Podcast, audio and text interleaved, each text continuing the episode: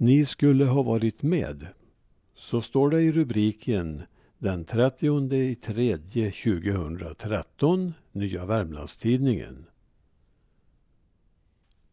Vintern i år lång är och svår, kvarka vi får, ryggverken går.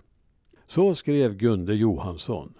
Och visst har en rad svinkalla marsnätter förlängt den här vintern men lämnat underlag till framtida berättelser. Ni skulle ha varit med när...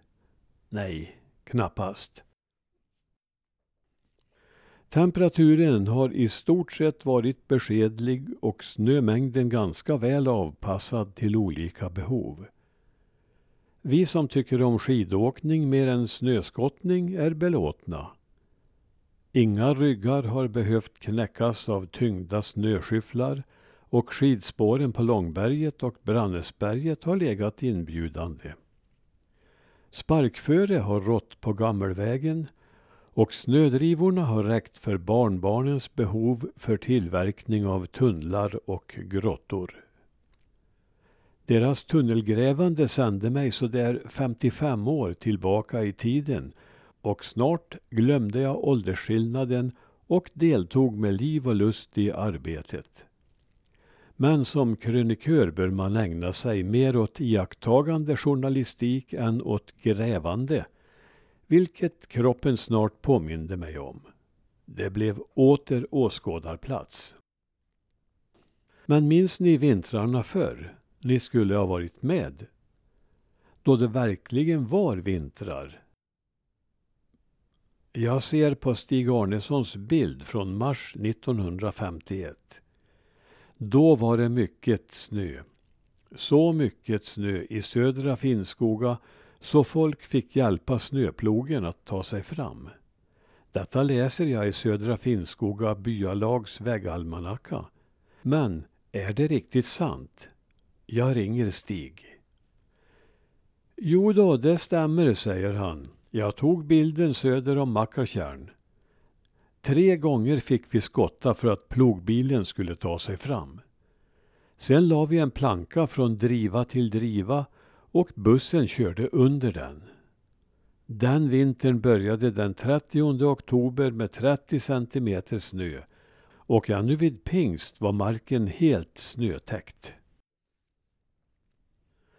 Och vem har inte hört berättas om de kalla krigsvintrarna runt 1940 som de flesta av oss är för unga att ha haft besvär av.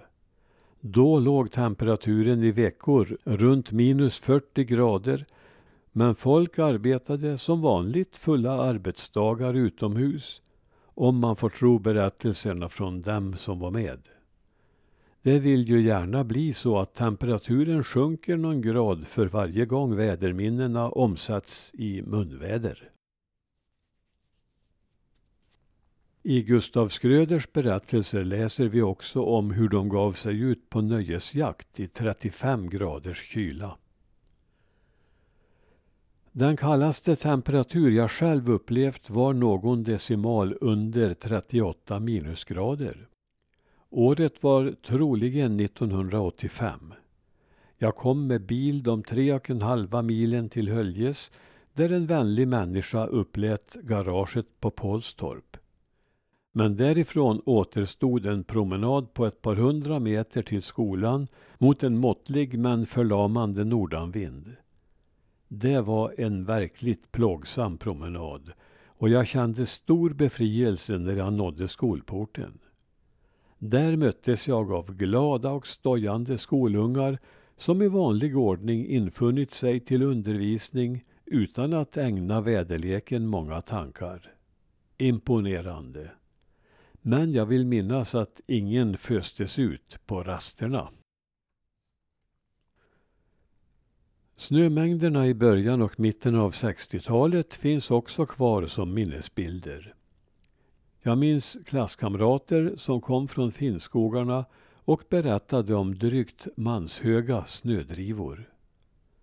Min farfars dagböcker bekräftar att läget inte var så mycket bättre nere i Klarälvdalen. Den 10 januari 1961 noterade han att det kommit gränslöst med snö om natten. Samma sak den 6 februari.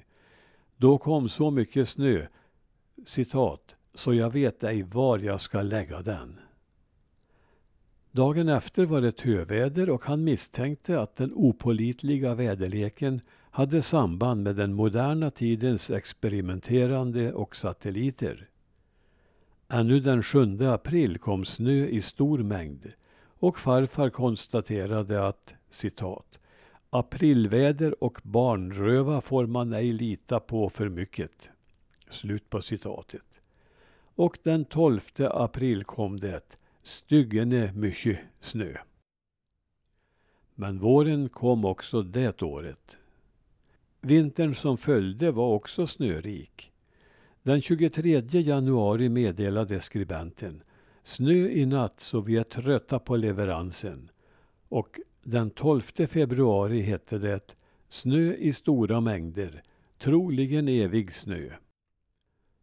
Ännu den 31 mars var det snö så det nådde upp i ändalykten och snön fortsatte att vräka ner en bit in i april.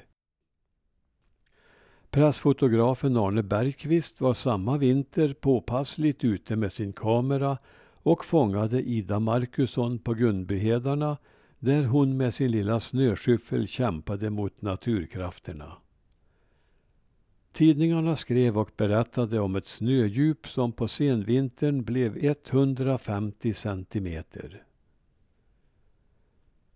1963 års januari månad var nästan snöfri.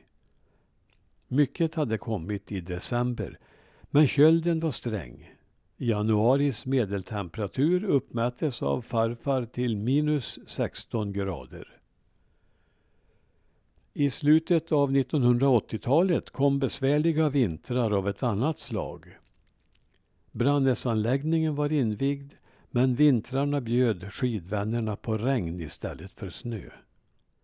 Allt var Stöthannas fel, sa en del, som menade att det var resultatet av en förbannelse som hon uttalat och som skulle verkställas om skidanläggningen byggdes ut i hennes hemby.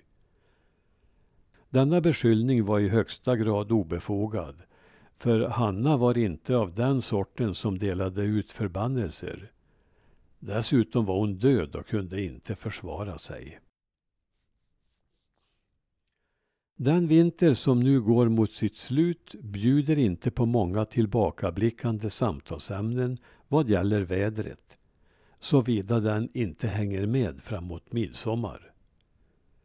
Vad framtiden har för vintrar att erbjuda i tider av snabb klimatförändring vet vi inte mycket om.